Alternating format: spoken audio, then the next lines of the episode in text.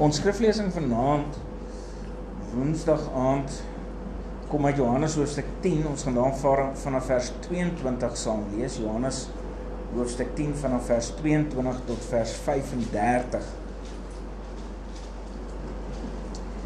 Vanaand se tema is die Jode. Ons oorhoof se tema vir die jaar en dan vir die week is Johannes 1 vers 14 wat sê die woord het mens geword en onder ons kom woon en ons is die mense. En deel van die mense onder wie Jesus kom woon het is is die Jode. Ons moet dan nou ook vandag vandag vir mekaar 'n bietjie sê wie is wie is in hierdie tyd waarin ek en jy nou leef wie sal ons nou vandag sê is is die Jode. So ons lees saam hier Johannes 10 vanaf vers 22. Dit was daardie tyd die fees van die tempelwyding in Jerusalem en dit was winter. Jesus het in die tempel in die pilaargang van Salomo geloop. Die Jode het daar om hom saamgedrom en vir hom gesê: "Hoe lank gaan u ons nog in onsekerheid hou?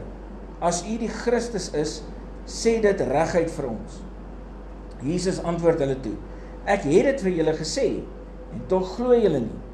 Die dade wat ek in die naam van my Vader doen, bewys wie ek is. Maar julle glo nie omdat julle nie van my skape is nie. My skape luister na my stem. Ek ken hulle en hulle volg my. Ek gee hulle die ewige lewe en hulle sal in ewigheid nooit verlore gaan nie. Niemand sal uit my hand geruk word nie. Dit wat my Vader vir my gegee het, is die belangrikste van almal Johannes 10 vanaf vers 2. Ons is nou daarso by vers 31. Johannes 10 vers 31. Die Jode het weer klippe opgetel om hom te stenig. Maar Jesus sê vir hulle: Op gesag van die Vader het ek julle talle goeie dade laat sien. Oor watter een daarvan wil julle my stenig? Dis nie oor 'n goeie daad dat ons jou wil stenig nie, antwoord die Jode hom maar oor God se lastering omdat jy wat 'n gewone mens is jou as God voordoen. Daarop sê Jesus vir hulle: "Staan daar nie in die wet in julle wet geskrywe: Ek het gesê julle is gode, nie? God noem hulle tot wie sy woord gekom het, dis gode en wat daar geskrywe staan kan nie verander word." Nou daardie gedeelte wat Jesus nou aanhaal in vers 34 kom uit Psalm 82 uit. Ons het nou oor Psalm uh, oor die psalms gepraat. En jy kan die hele Psalm 82 gaan lees en Jesus wat dit nou hier op 'n baie interessante manier ook hier hier aanhaal. Ons kom baie vinnig in in al die evangelies, maar spesifiek ook in in die evangelie van Johannes agter dat een van die groep mense wat Jesus mee te doen het is is die Jode. En ons lees in Johannes 1 vers 19 lees ons die volgende: Die Jode het priesters en leviete van Jerusalem af na Johannes toe gestuur om hom te vra: "Wie is jy?" So hulle het destyds toe hulle bewus geraak het van Johannes die Doper se se bediening dat daar 'n klomp mense ehm um, vir Johannes begin volg, disippels van Johannes die Doper word, deur Johannes gedoop word. Uh toe het het hierdie het die Jode bekommerd geraak en het hulle priesters en leviete gestuur om te gaan vra vir Johannes, "Wie is jy?" Hulle het maar dieselfde met met Jesus ook gedoen. Trouwens, ehm um, dis 'n 'n bekommernis gewees uh vir die Jode want daar was baie meer mense as wat ons dink. Wat elke nou en dan uh gesê het dat hulle die Messias is. Dit was dit was meer algemeen as wat ons gedink het. Daar was nog al 'n klomp mense elke nou en dan. amper soos wat ons ook op die oomblik elke nou en dan iemand kry soos daardie oom wat Kaart Blanche mee die gesprek gevoer het. Ek ek kan nie onthou in watter dorpie dit is nie, maar dis hier in die Vrystaat wat toe die een van sy wat die profeet was en toe een van sy mense dood is, toe hy gesê die oom gaan opstaan uit die dood uit. Onthou julle? Ons ons elke nou en dan is daar So ietsie. Nee. Ehm um, en en en so elke nou en dan is dit maar ook wat destyds gebeur het. Die Jode, die Joodse raad, kan mens dalk sê is die Jode. Mense kan sê die Jode was die ouens wat destyds in beheer was in die in in die kerk, die geestelike leiers was. En dis die ouens wat met ander woorde nou wil weet wie Jesus is. En hier in Johannes 10 op 'n stadium hom regtig eintlik toegestaan het en gesê het maar nou moet jy vir ons sê. 'n Paar keer wat Jesus in die moeilikheid was. Hier as ware ook wat hulle hom wou stenig omdat hy gesê het sy vader. Dis op die gesag van sy vader wat hy dit sê. En dan hy hulle as ware. Wanneer hy hier in vers 34 sê, daarom sê Jesus vir hulle staan daar nie in julle wet geskrywe ek het gesê julle is gode nie. Johannes 1 vers 14 Die woord het mens geword en onder ons kom woon. God mens geword, Immanuel, God met ons. Ons hoor hy kom woon in ons deur die Heilige Gees. Dis waar hy bly. God wat in jou en my kom woon. Ek weet dit klink vir ons te goed om waar te wees. Veral soos wat ons ook natuurlik onsself ken, mense ken en God ook vir ons ken. Maar dis wat gebeur het. En dan gebeur 'n interessante ding. Wanneer Jesus met Jesus ook in Johannes 5 in vers 10 het hy 'n man genees. En die Jode in vers 10 sê toe vir die man wat genees is: "Dit is 'n Sabbatdag. Jy mag nie jou goed dra nie." Dit was die man wat nie betyds by die by die by die dam kon kom uh wanneer hy geroer is nie. En hy was al 'n paar jaar daar gewees en hy kon nie en dit was op die Sabbatdag en Jesus het hom gesien en vir hom gesê: "Staan op, vat jou goed en loop." En hier kom hy in opdrag, ek bedoel hier het hy opgestaan, gesond geword, hier het hy sy sy sy slaapkleertjies en sy en en sy stretchertjie en alles hier onder die arm. En hy stap verby die Jode, geestelike leiers van daardie dag. En hulle sê vir hom: "Hey, Sabbatdag. Kan nie goed dra nie. Kan nie goed dra nie." Hulle wou natuurlik weet wie dit was. Wie het dit gedoen? Wie het jou gesond gemaak? Net soos wat wat die geestelike leiers van daai tyd ook uh, wou weet toe Jesus die blinde man gesond gemaak het. Onthou julle die blinde man wat gesond gemaak is deur Jesus en toe wou die disippels by Jesus weet, maar hoekom is die man blind?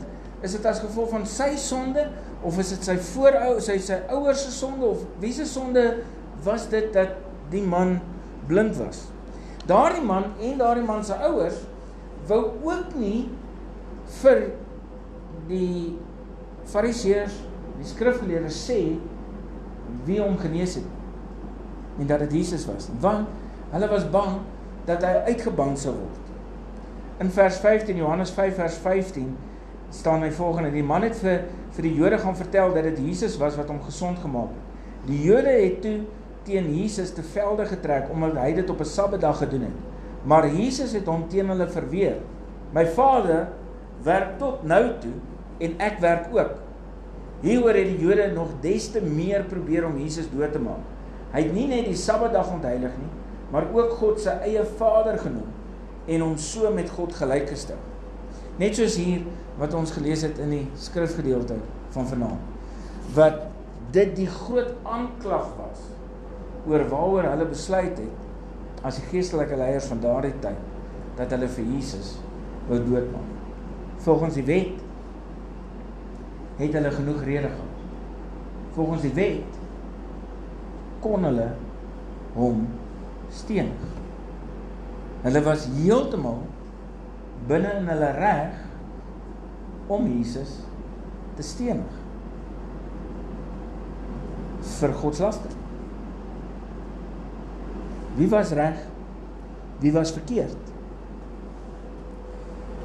In Johannes 11 vers 45 en verder gebeur die volgende. En dit was net nadat Jesus vir Lazarus uit die dood uit laat opstaan het. Johannes 11 vanaf vers 45. Baie van die Jode wat na Maria gekom en gesien het wat Jesus gedoen het, het tot geloof in hom gekom.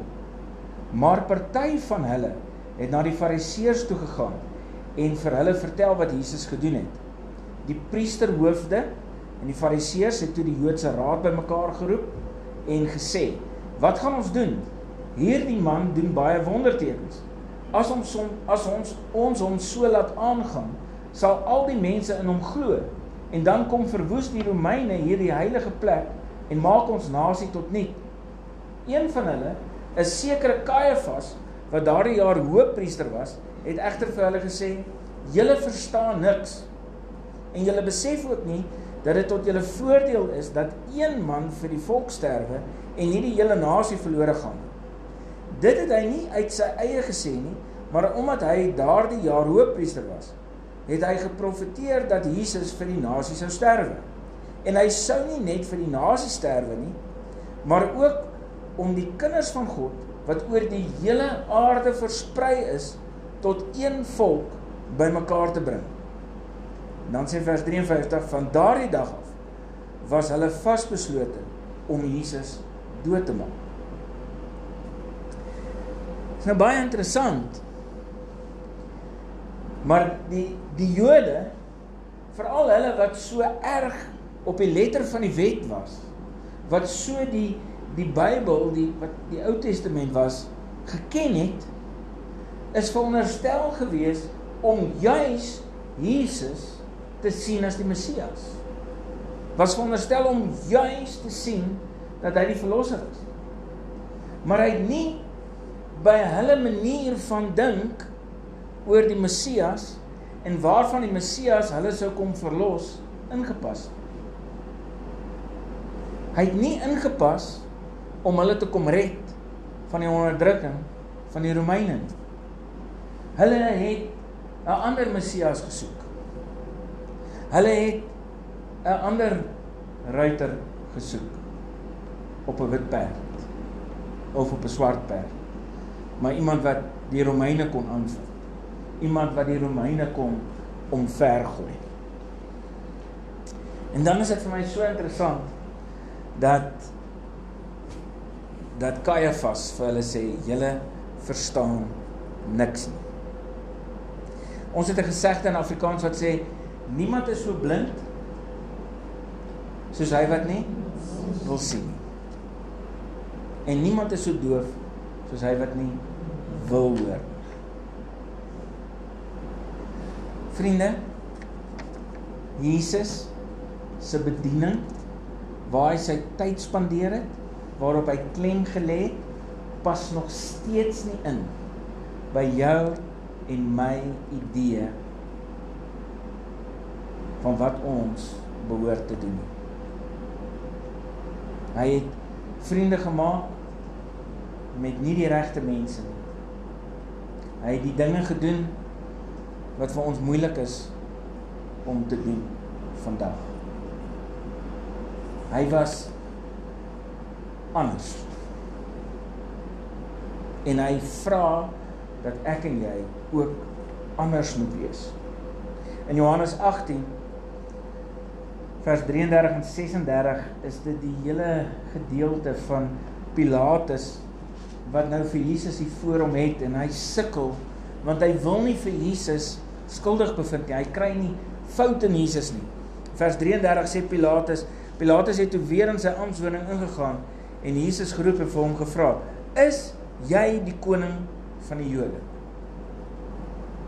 Vers 36 antwoord Jesus hom. Hy sê: "My koninkryk is nie van hierdie wêreld nie. As my koninkryk van hierdie wêreld was, sou my onderdane geveg het sodat ek nie aan die Jode uitgelewer sou word. Maar nou is my koninkryk nie van hier nie." Broers en susters, ons is geneig om te dink dat ek bou 'n koninkryk. Ons volk bou 'n land. Ons is besig om 'n volksland te bou. Ons is besig om my eie koninkryk te vestig. En hoor mooi. Hoor mooi wat sê God vir jou en my hier. Kaiafas sê hier, julle verstaan niks.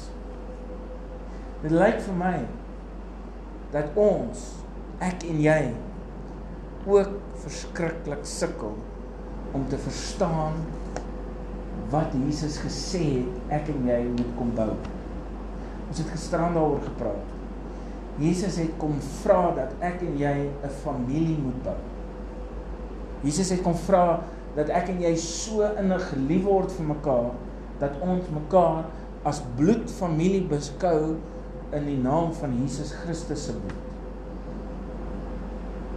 Dink net as ons hom ernstig sou opneem. Dink net as ons dieper sal kyk. Dink net as ek en jy Jesus in iemand anders se lewe sal raak sien voordat ons 'n klomp ander goed raak sien. Dan is vers 52 so interessant van Johannes 11 wat sê en hy sou nie net vir die nasie sterwe nie, maar ook om die kinders van God wat oor die hele aarde versprei is tot een volk bymekaar te bring al die skapers almal wat sal luister na sy stem. Almal wat sal sê Jesus is die Here. Almal wat sal erken en sê dis die lam. Almal wat sal hoor en opstaan en volg. Nie net die wat ek en jy dink regverdig is om deel te wees van die koninkryk van God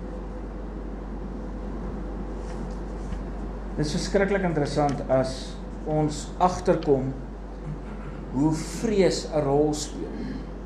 Dwars deur hierdie gedeeltes wat ons nou gelees het, was die mense bang vir die Jode gewees. Was die mense bang gewees vir die Fariseërs, die Sadduseërs, die skrifgeleerdes, die geestelike leiers van daardie tyd. En hulle weer was bang vir die Romeine. Hulle sê hier, weet julle wat, as die mense hom volg, en hulle kom in geloof tot hom en baie mense volg hom, dan gaan die Romeine kom en ons land van ons af wegneem. U hoor? Hulle was so behep met die politiek van daardie tyd dat hulle nie gesien het Jesus Christus kom bou 'n koninkryk van verhoudings van liefde vir mekaar van selfs lief wees en genadig wees teenoor fariseërs wat wel verstaan wat wel tot bekering kom teenoor iemand soos Levi Matteus wat 'n tollenaar was wat die gespuis was. Wie julle wie is die tollenaars vandag? Die tollenaars van vandag is die ouens wat in Stellenbosch of in Gauteng of in Bloemfontein geld verduister Dis die tollenaars.